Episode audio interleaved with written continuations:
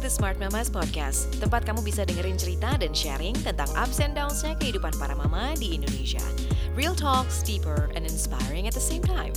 Semoga obrolan ini bisa jadi momen refleksi sekaligus referensi buat kamu untuk menentukan pilihan-pilihan tepat dan smart dalam menjalankan peran sebagai seorang mama. Smart Mama, where moms make the smart choice.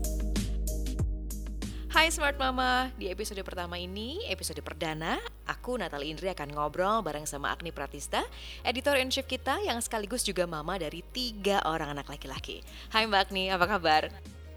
Kabar baik. Gila suara Mbak baik Indri gitu. bagus banget. Terpana dulu. Terpana dulu.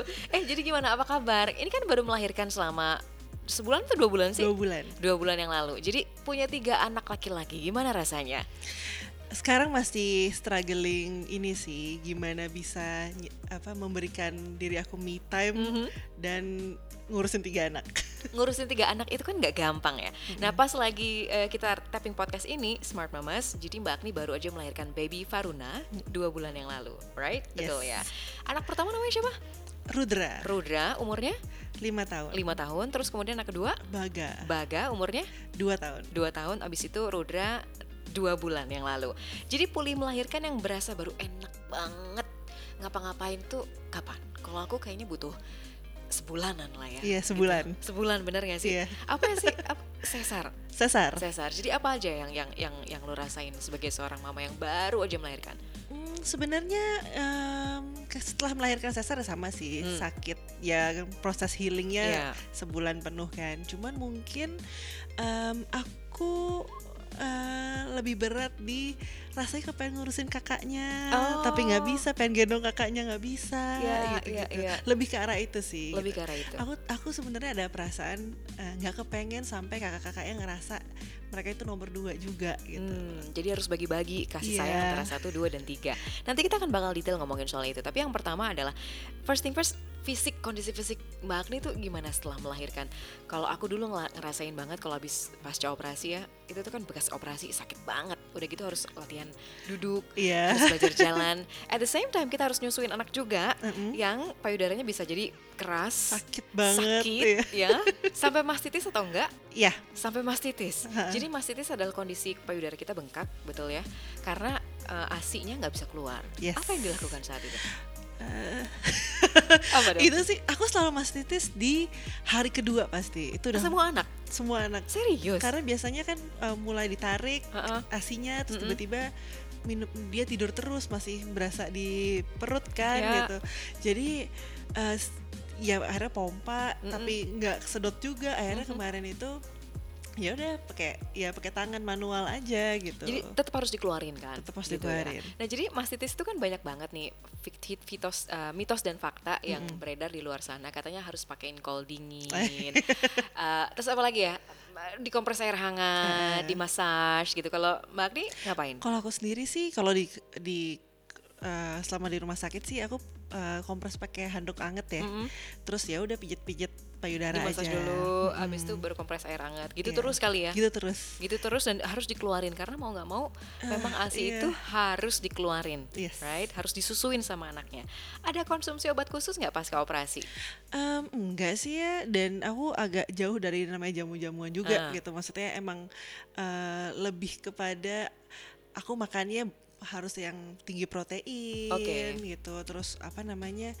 eh, banyak sayuran sih. Hmm, nggak pakai obat Cina Enggak. nggak pakai obat Cina enggak. terus udah gitu nggak pakai obat yang diminta khusus sama dokter untuk meringankan rasa sakit kan ada tuh Enggak, iya enggak. request khusus bener nggak sih Iya, eh, dibawain anti nyeri segala macam aku nggak minum sih. serius Iya, jadi emang bener-bener alamiah ngerasain rasa sakitnya itu iya. dibantu dengan makanan aja Yap. apa dong makanannya Eh, ya paling yang high protein aku selalu Ah. minum susu kedelai. Susu kedelai. Terus aku ikut catering khusus emang untuk orang-orang yang sehabis operasi. Hmm. Jadi emang tinggi protein. boleh share nggak menunya jadi Biasanya kita mau tuh- bikin sendiri di rumah ya Iya kayak ayam kampung, sup ayam kampung, Ah. terus ya tahu, ikan, Mhm. sayur-sayuran juga banyak, brokoli, pokcoy. segala macam sayuran Iya. pada intinya begitu Yes. oh Jamur. jamur terus habis itu ikan ikan segala macam ya Iya. boleh apa Kebanyakan sih makanannya kebanyakan sup sama steam. aja? oke Jadi lebih basah sih. telur telur juga telur juga, ayam eh, harus ayam kampung ya. iya kalau bisa jangan sih ayam ayam- kampung sih Jangan ayam yang lain. Iya. Oke, itu adalah menu-menu yang bisa dicoba kalau seandainya mau mencoba untuk pemulihan secara natural dan alami di rumah pakai makanan yang biasa aja. yes. Nah, kalau perawatan tradisional ada 40 hari perawatan. nah, itu kalau gimana aku tuh? karena habis sesar Heeh. sebulan setelah operasi Mm-mm. itu aku baru berani pakai eh, pilis terus dibebet Pilis tuh perutnya. diapain sih coba dong? biasanya kasih jamu sih kayak ya jamu tradisional Mm-mm. emang lebih kental taruh di dahi gitu Dahi. katanya "Ini biar nggak pusing-pusing gitu Tapi beneran nggak? dingin sih jadi Ah, ah. karena jamunya dingin Ah, ah. eh, emang akhirnya nggak pusing sih Oh gitu. terus katanya sih kalau misalnya lahiran normal lebih bagus eh, pakai itu karena em, untuk mencegah darah-darah kotornya atau Mm-mm. gimana gitu balik deh. lagi ke dalam tubuh kita Iya. gitu ya kira-kira ya. Ini biar nggak pusing lo langsung pakai satu jidat Itu- semuanya nggak It- itu tiap hari nggak sih Pak pakainya? tiap hari sampai 30 hari lah ya Kalau gua nggak salah, itu kan paket 40 hari perawatan itu kan satu kotak ya, satu box gitu. Iya. Nah, itu apa aja isinya? Satu pilis buat yang di dahi. biasanya Biar nggak kalau- pusing, kalau oke. aku sendiri sih aku ikut kayak ada satu spa yang emang datang ke rumah Oh, bisa home Khusus- treatment. jadi tuh sebe- waktu anak pertama aku tuh ya anak pertama ya nggak ada yang nungguin atau siapa-siapa jadi aku bisa 40 hari full bebet pijat Oke. pijat laktasi Iya. diratus di mandi rempah wah semuanya deh Aduh, gitu enak banget itu. iya enak Pampering banget lumayan ya. terus yang anak kedua males ya kan Hmm. anak ketiga ditawarin mau gitu lagi Boro-boro. nggak? aduh kayak waktu yang gak cukup berapa lama mbak ya satu setengah jam nggak bisa Karena emang gak ada yang nggak ada yang bawain anaknya. Iya, Udah karena gitu kan emang- kakak-kakak juga masih mau, mau diurusin juga ya. Iya, jadi emang karena aku nggak ada yang bantuin di rumah, jadi ya dat ibunya datang hanya untuk bebet. Bebet, Bebet itu doang. diapain? Di, Pakai gurita. Pakai gurita, terus di apa lilit pakai apa sih namanya stagen Oh, oke. yang Tapi sebelum bermeter-meter itu, itu. sebelum itu dikasih ramuan dulu nggak sih di Biasanya perutnya? kasih jamu.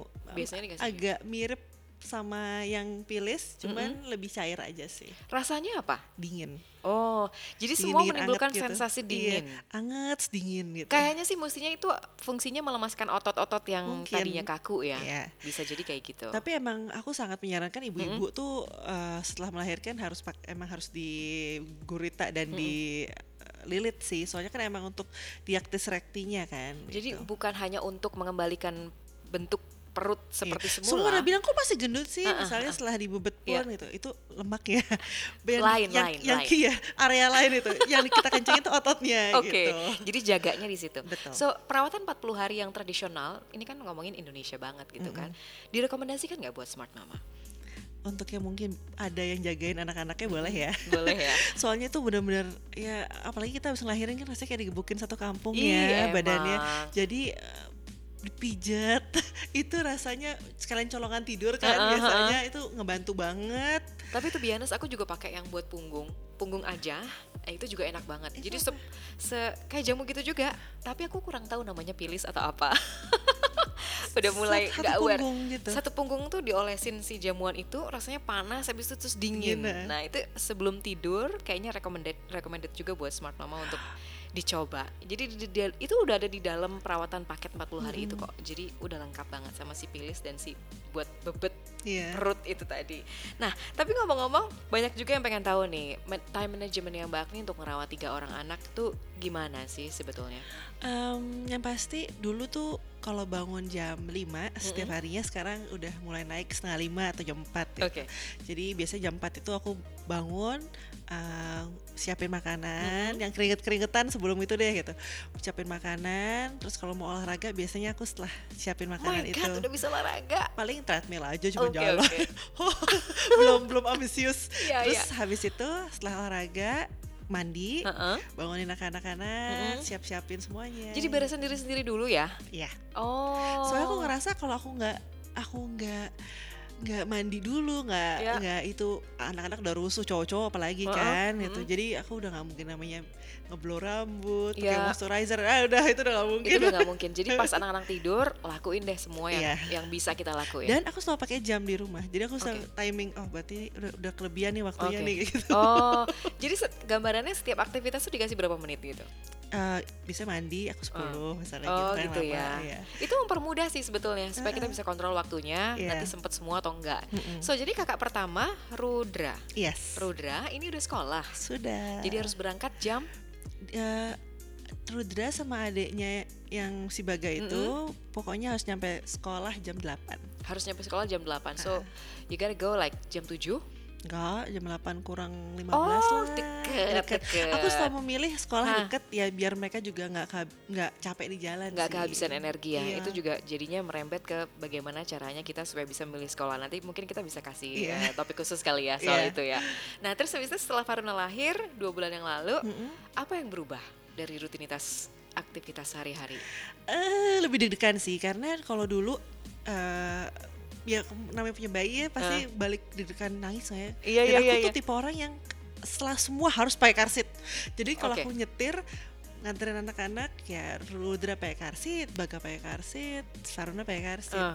Cuman kan kalau Faruna nih kan masih kadang bangun nangis. kalau bayi suka gitu ya kaget-kaget Iya, gimana iya. Oh. Terus akhirnya nah udah bisa karena udah mungkin udah tiga anak ya, aku deg-degan dia nangis, tapi Hmm. pas udah nangis ya aku nggak dengerin juga gitu. Udah Oh. kebiasa, udah kebiasa, udah ya udah nangis gitu. biarin aja Biarin aja gitu. Oh, Nggak, aku nggak oke. aku udah mulai di titik nggak nggak senewan kalau ngeliat ba- denger bayi Uh-uh. nangis gitu. karena udah pengalaman dua anak sebelumnya Iya, dong semua udah ah, yang duh, Oke, duh. kam, gitu namaste Iya. kalau bisa.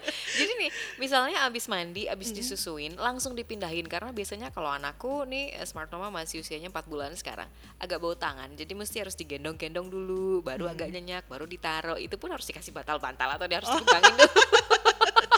That's the real thing that happens in Iya, life iya, ya. iya, kayak kayak Gitu. bom waktu gitu. jangan- Gitu, jangan bangun, jangan bangun. Kalau dia bangun, gue gak bisa ngapa-ngapain gitu. Uh-uh. Kalau lo gimana? Kalau Faruna sih aku bersyukur banget tiga anak aku semuanya Anteng. suka digendong tapi eh, Kalau ditaruh? kalau bangun aja ya dia digendong tapi uh. kalau dia tidur ditaruh eh tidur Oh. tapi tetap Bisa dilatih kali ya? Atau gimana sih menurut Mbak Agni gimana? Aku nggak tahu ya aku Uh. soalnya nggak ada satu yang kayak gitu soalnya Hmm. jadi paling anaknya tidur Mm-mm. tapi emang setelah punya anak tiga anak ini Mm-mm. anak yang ketiga harus kalau tidur pules harus jauh-jauh dari kakak-kakaknya Jangan. Iya, karena kakaknya tuh suka tiba nyium. Kalau enggak, yang kedua tuh suka tiba teriaknya, suka nyanyi yang kedua. Oh. Berasa rockstar. Jadi teriak-teriak sampai suaranya abis tuh bisa di samping adiknya nyanyi-nyanyi. Uh. Oke. Kayak gitu kan adiknya kaget Iya, terus kan. gitu. langsung lah Jadi, kebangun dia. eh, itu rasanya kayak karena kadang-kadang aku bukan capek gendongnya, tapi Aha. kayak I want to do something Iya, else gitu iya, kan. iya, iya. gitu. Jadi, kalau kita bisa stuck ke situ gitu Iya. perhatiannya kalau dia bisa bangun. Jadi habis eh, nenek tidur misalnya gitu ya, langsung taruh di karsit.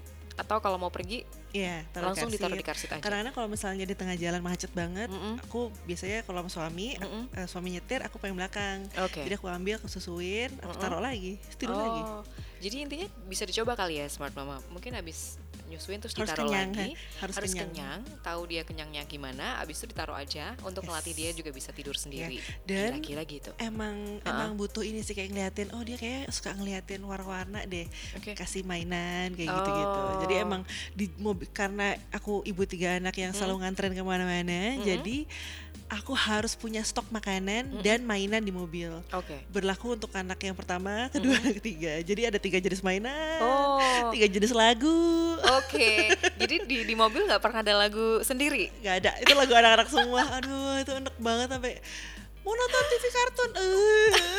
ganti lagi, ganti lagi sepanjang tahun Sepanjang begitu tahun, ya. iya. Nah, ini kan kalau kita ngomongin soal ngasuh wak, eh, ngasuh tiga anak, habis Hmm. itu time managementnya. Jadi yang jemput anak-anak sekolah Mbak Agni juga. Yes. Nah, itu jadi gimana? Jadi nungguin mereka selesai sekolah? Jadi kalau anak yang kedua karena Hah? sel- masihnya masih playgroup kan, Hmm. jadi aku tungguin. Biasanya aku nungguin ke seberang eh, ada kayak semacam kafe lah gitu. Mm-mm. Di situ aku bisa kerja biasanya.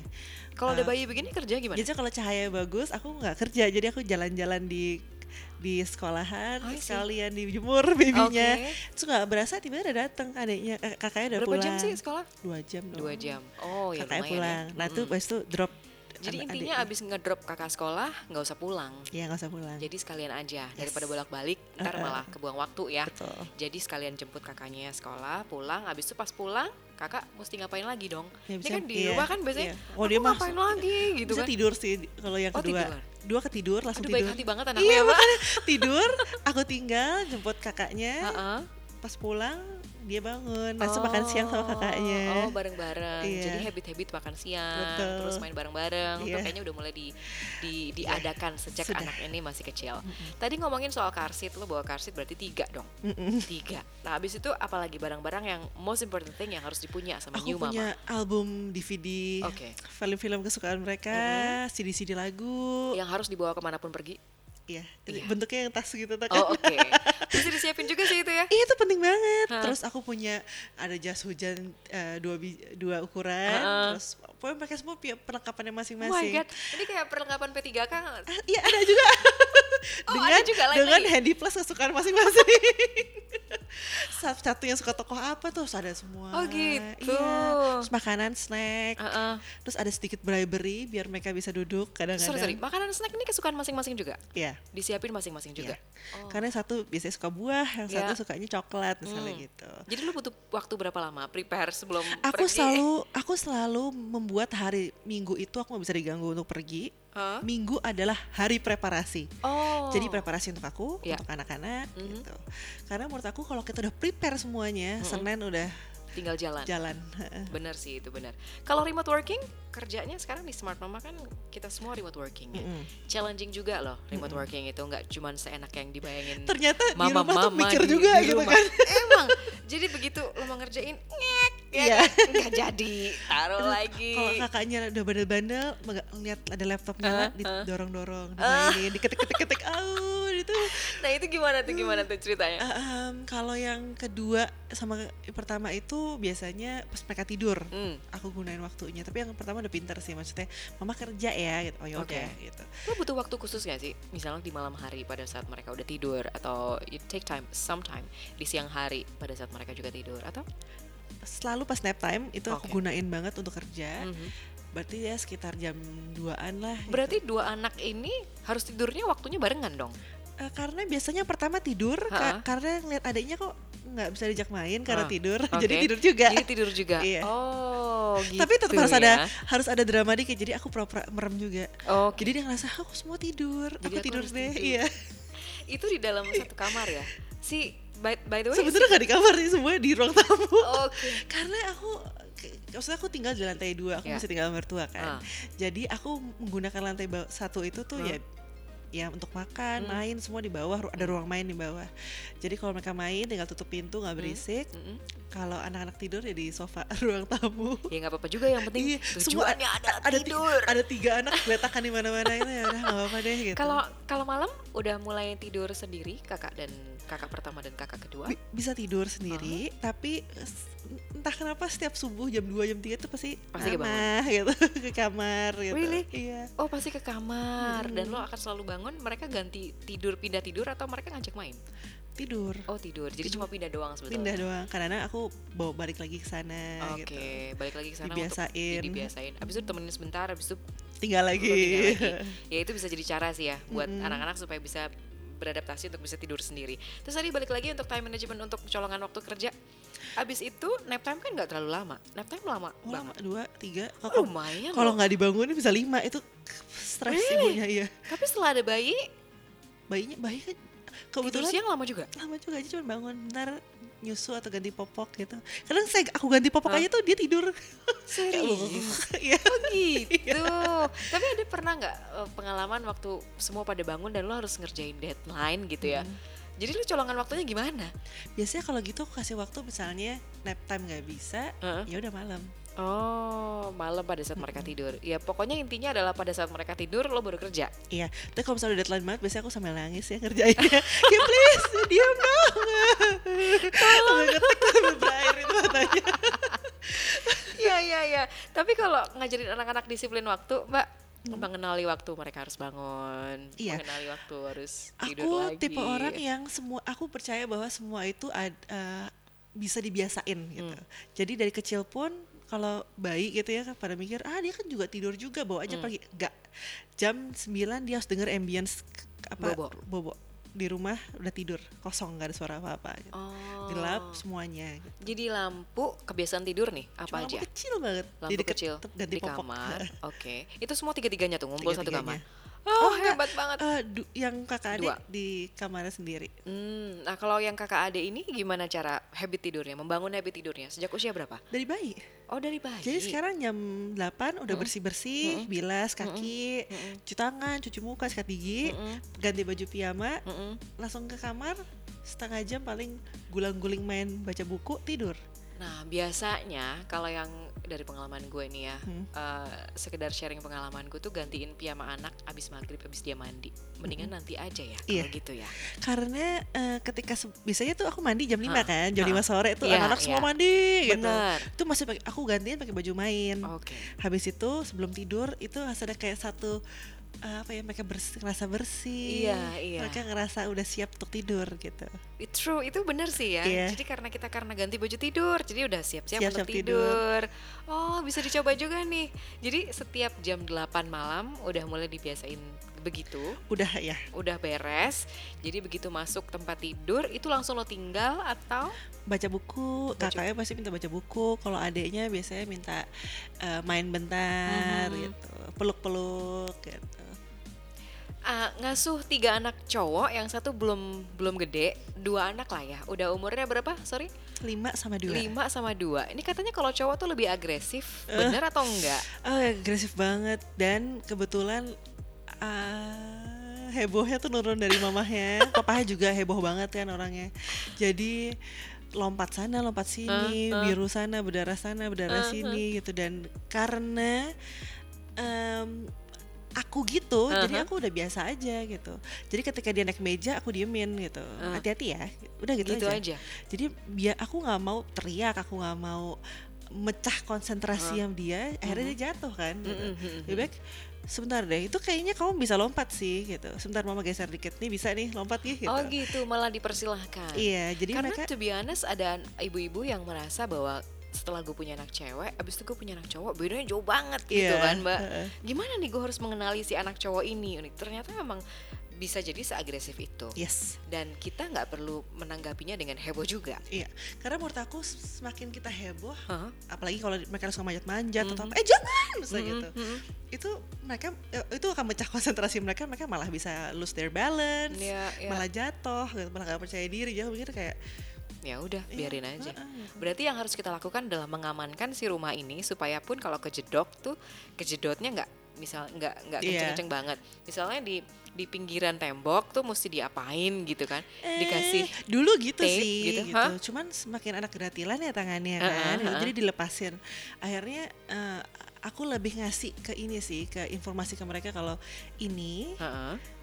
Ini Berbahaya bisa, misalnya gitu ya? berbahaya ini Ha-ha. bisa kebuka ya Mhm. dagingnya gitu bisa berdarah sakit banget gitu oh gitu oh ya udah gitu Kalau Baru gitu mereka mereka lebih daerah hati-hati. daerah situ nggak dimainin gitu Oh, gitu aja ya. Jadi bisa di- Iya. dikasih tahu dengan nggak cara yang mung- aku nggak tahu sih tapi Hah? ngasih tahu anak laki itu kayak nggak pernah didengerin aja kayak kita bisa ngomong 10 kali mereka baru kayak astaga bawel banget sih mamaku gitu tapi aku akhirnya baru sadar gitu kayak ya mungkin emang mereka nalurinya seperti itu Emang gitu. gitu. emang dasarnya seperti itu jadi aku ya udahlah gitu daripada aku yang capek juga Iya, iya, iya. Jadi kasih ya, ya udah informasi mereka mengerti udah gitu. Udah, oh jadi informasinya kalau bisa selengkap mungkin kali Iya, ya. betul. Jadi jadi udah sekalian aja di Eh, depan eh. ya. Pernah burn out nggak punya dua anak yang loncat sana lompat sini sementara Pernah. bayi yang harus Dan- quiet. Eh, yang susah adalah ketika anak anak kedua lagi trouble tuh Ah, jadi dan Ha-ha. sifatnya persis kayak aku keras kepala oke. pemarah gitu drama banget Tapi benar ya kalau setelah punya anak tuh kayak ada punya cerminan diri. Iya, aku sampai aduh ini anak persis banget tuh. Saking Iya, persisnya aku sampai kadang gila ya bisa gitu ya. Ha, Dan ha. dia kan nggak ngeliat gitu. Dia Iya. emang emang udah kayak ciptaannya kayak Iya, gitu benar, benar. gitu. Eh, itu yang kedua ini agak challenging karena dia suka eh, semakin kita Ngegas. eh, dia semakin maju Oke. terus itu jadi kadang-kadang tuh kakaknya dipukul lah gitu Oh. terus kalau kita kasih tahu nggak boleh mukul dong kas, eh, sakit Hmm. bagas suka nggak dipukul misalnya gitu wow makin Makin. terus bisa yang pura-pura nangis di Oke. pojokan drama banget jadi aku tuh em, capeknya lebih kayak kayak kayak aku bilang tadi cowok Hmm. tuh susah banget dikasih tahu jadi Jadi lu mesti ulang-ulang. capek tuh kok kadang dadaku tuh kayak kok aku sampai bilang suami aku kayak "Aduh, kayak aku mati serangan jantung deh tapi dadanya tuh sakit gitu Heeh. sampai suatu saat aku punya satu kayak ada geng ibu-ibu gitu Uh-huh. di sekolahan kita sahabatan kebetulan Hmm. anak kita laki semua gitu Oke. kita libu kita ajak ke mall bareng tuh emang semuanya leher urat semua Emang gitu. gitu ya? Jadi oh emang ya. Ya berarti lo nggak Iya sendirian. aku nggak sendirian gitu dan Heeh. ya udah sih. Dulu aku tuh per- aku sering banget pengen ulang tahun tuh cuman kepengen nginep di hotel sendirian, bathtub ada yang Sendirian? ganggu, bangun bisa makan anget-anget Iya. makanannya. Habis itu nonton. Iya gitu, itu doang yang aku pengen. Dan setiap aku mesen hotel, aku nggak ada, aku nggak sampai hati untuk ninggalin Iya. anak-anak gitu, gitu ya? Dan akhirnya aku bawa semua dan akhirnya aku juga Nggak bisa istirahat juga. jadi aku kayak ah Ryan aku mati nih kayaknya tadi malam nih dan aku sakit banget kadang ngulang lagi ngulang lagi gitu Iya kan iya gitu. iya. Itu kalau si kakak udah umur lima tahun pengalamannya sampai seusia itu apakah masih nggak bisa dikasih tahu juga atau udah mulai Eh, lebih ka- kan yang pertama manis banget sih Oh. maksudnya sangat perhatian Hmm. gitu terus nge- emang naturally suka ngejaga adik-adik gitu Oke. jadi bayinya dijagain Oh. bisa yang eh, aku sakit dirawat Oke. gitu cuman yang kedua kedua ini beda? nge-trigger untuk bikin kerusuhan aja Oke, terus gitu. oke. Jadi aduh kadang-kadang suka kesian kakaknya cuman help help dipukulin. Mas kalau dipukulin ya kamu pergi dong, jangan di situ doang gitu. Ada kerja sama sama suami gimana caranya untuk ngasih tahu sama si si adiknya atau nggak mempan dua-duanya? Suami gue juga kayak anak kecil. Jadi aku mikir kayak gini aku anak keti empat anak gitu. Oh Kadang-kadang tuh aku bisa ngelerai tuh suami sama anak karena rebutan kursi nggak penting banget kan. Papa yang duluan, aku tapi mau ya ampun aku kayak aduh bisa bantu gak sih untuk gak berantem juga. Terus rebutan kue, Iya. rebu- rebutan-rebutan gitu. Serius? Jadi aku ngerasa kayak Beneran literally punya empat orang anak di Iya. rumah.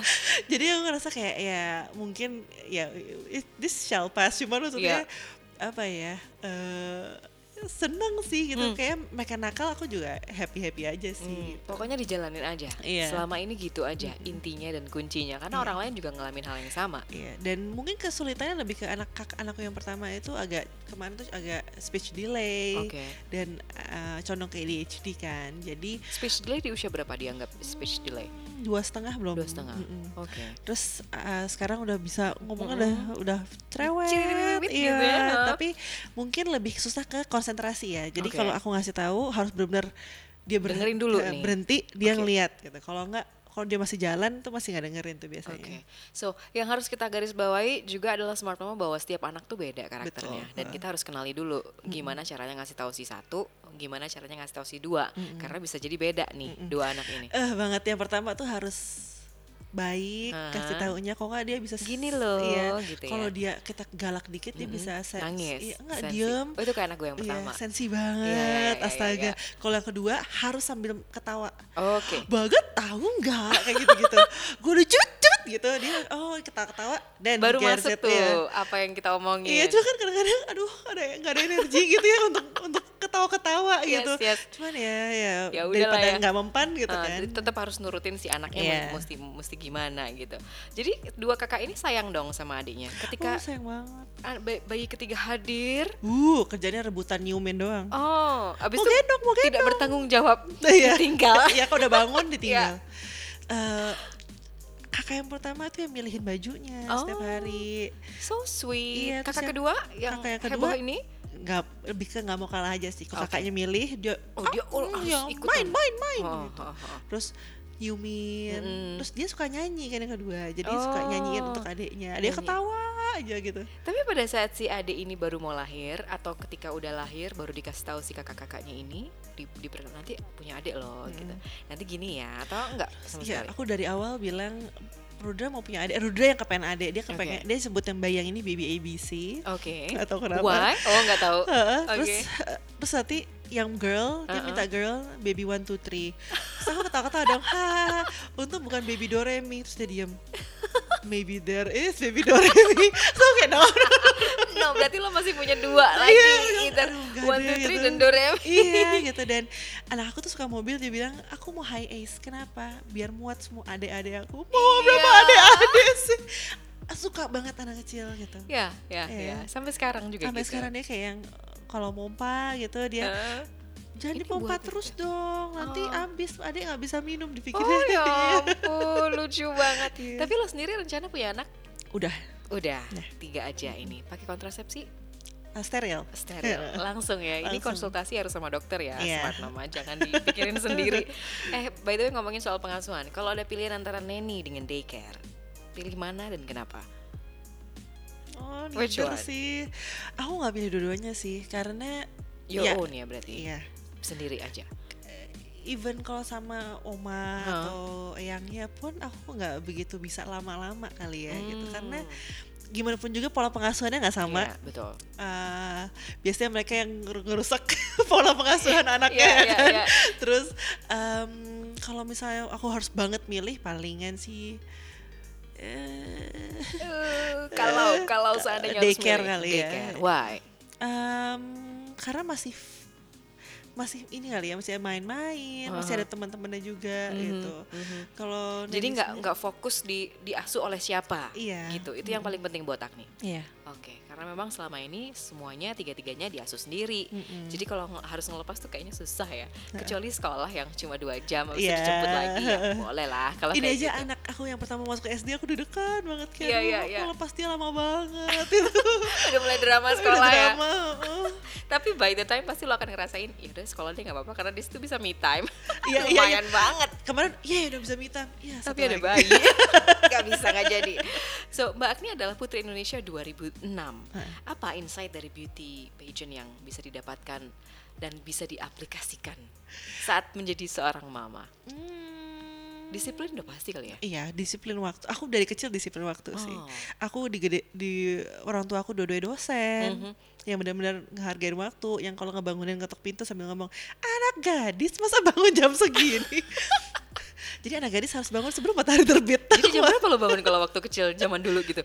jam 5 kali ya. My aku God. aku masak, masak pagi masak. Aku di Oh. keluarga aku yang suka masak. Jadi Oke. sarapan aku masak masakin satu keluarga Oke. gitu. Emang dibiasain gitu. Aha. Karena emang apa ya?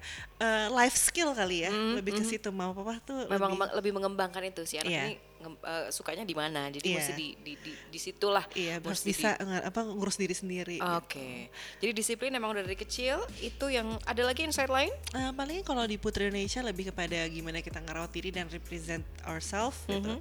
Jadi dulu tuh kayak mungkin ada kes- aduh males banget ya dandan lagi Mhm, hamil segala mhm. macam. Tapi ketika eh setelah ada Putri Indonesia tuh kayak ternyata emang bener sih ketika kita eh, lebih rapi, Mhm. lebih eh, ngurus diri sendiri gitu. Percaya Perasaan diri akan iya. lebih lebih enak ya. Betul.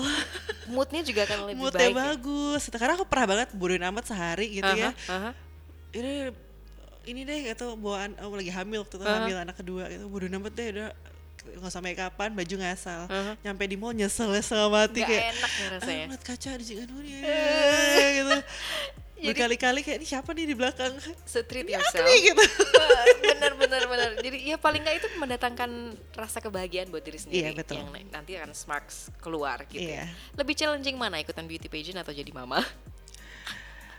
Eh, mama kali ya kan live kayak ini kayak hidup orang lain Iya, gitu iya, kan iya. soalnya Ini pas- manusia lain loh iya, gitu. dan aku berkali-kali sama suami aku bilang gila ya nih kita nggak kasih makan mati loh nih anak Iya gitu. iya iya. gitu. Kalau nggak diasuh bisa jadi apa loh mereka Iya, loh gitu. heeh, gitu. Jadi kita aku sama suami emang kita ngerasa kita punya tanggung jawab untuk Ya. membesarkan anak-anak yang ya gentlemen lah gitu. Oke, gentleman. Sekarang Iya. tiga-tiganya anak laki-laki. Wow, challenging sekali. Kalau diminta nulis surat buat anak-anak, apa yang mau disampaikan? Hmm, Apa yang yang lo harapkan? Anak-anak jadi apa kelak? apa ya? Pokoknya mereka harus ngehargain wanita deh. Gitu. Mereka tahu bagaimana mereka punya sopan santun. Mhm. Yang aku ngerasa karena aku jatuh cinta sama suami aku Mhm. itu uh, ketika dia bilang terima kasih ke orang lain, Oke. minta maaf, Oke. permisi, Mhm. dia ngomong tiga hal menurut aku kata orang tuh tuh biasa banget ya Aha. gitu. Cuman untuk zaman waktu itu tuh Iya. aku rasa jarang banget Iya. cowok ya memiliki manner seperti ti- seperti itu gitu. The manner does matter. yes. Itu bener banget ya. Yes. Kalau buat Agni Jadi aku ngerasa penting. aduh penting banget Aha. ngerawat Mhm, orang gitu mhm. punya empati, simpati, aduh itu penting banget sih. Wah itu yang bikin lo jatuh cinta nih Iya. Pak suami ini Iya. ternyata ya Ada wishes nggak sih dari dalam hati gitu ya Lo pengen jadi buat diri lo sendiri gitu Kalau buat anak-anak kan kita udah pasti akan punya supaya anak-anak jadi apa-apa Uh-uh. segala macem Kalau buat diri sendiri setelah menjalani peran sebagai seorang mama lima tahun terakhir ke belakang ini Aku pengen selalu ada sih buat mereka sih. Hmm, hmm. Karena aku ngerasa aku mama papa aku tuh dua-dua kerja Mhm. Eh, karena dosen ya Mhm. pagi sampai malam biasanya kan. Belum lagi kita nggak ada libur. Kalau kita libur, mama papa eh, ada semester pendek. Oke. Aduh, jadi aku, aku jarang banget ngeliat sosok mereka sebenarnya. Di Paling untuk- nah, jadi dan mamaku juga ngerasa itu gitu. Hmm. Dia selalu mengingetin kayak, aduh nih harus ya ambil film. Aduh aku nih harus ya kerja kayak gitu tuh Oke. sering banget. Karena menurut aku tuh mungkin itu apa ya regrets dia Ya, dulu gitu. ya, ya. Jadi sekarang aku ngerasa aku pengen untuk ada untuk mereka. Aku selalu aku belajar masak, Mhm. maksudnya bikin baking segala macam. Karena aku pengen ada satu aktivitas di mana anak-anak duduk di sekitar aku, Ya. bantu aku baking atau uh, mungkin hanya nyemil-nyemilin makanannya. Ya, ya. Tapi itu ada satu Tapi lu menikmati waktu bareng-bareng. iya untuk gitu. cerita segala Iya. macam. Itu aku pengen banget gitu. Jadi aku ngerasa itu akan menjadi satu. Aku sekarang nyiptain itu terus Mhm, untuk- agar mhm. itu jadi sesuatu yang mereka cherish Yes. ketika udah lepas dari ketika aku udah nanti. gede nanti. So Agni Pratista thank you banget. Sampai Terima ketemu lagi di lain kesempatan dan nanti di episode berikutnya Agni akan uh, interview atau Agni akan ngobrol bareng sama teman-teman sesama mama Yes. tentang how challengingnya hidup dan menjalani peran sebagai seorang mama. So thank you banget. Terima Sampai ketemu kasih. lagi. Bye. Saya Bye. Natalie Indri signing out. Thank you Smart Mamas. Bye.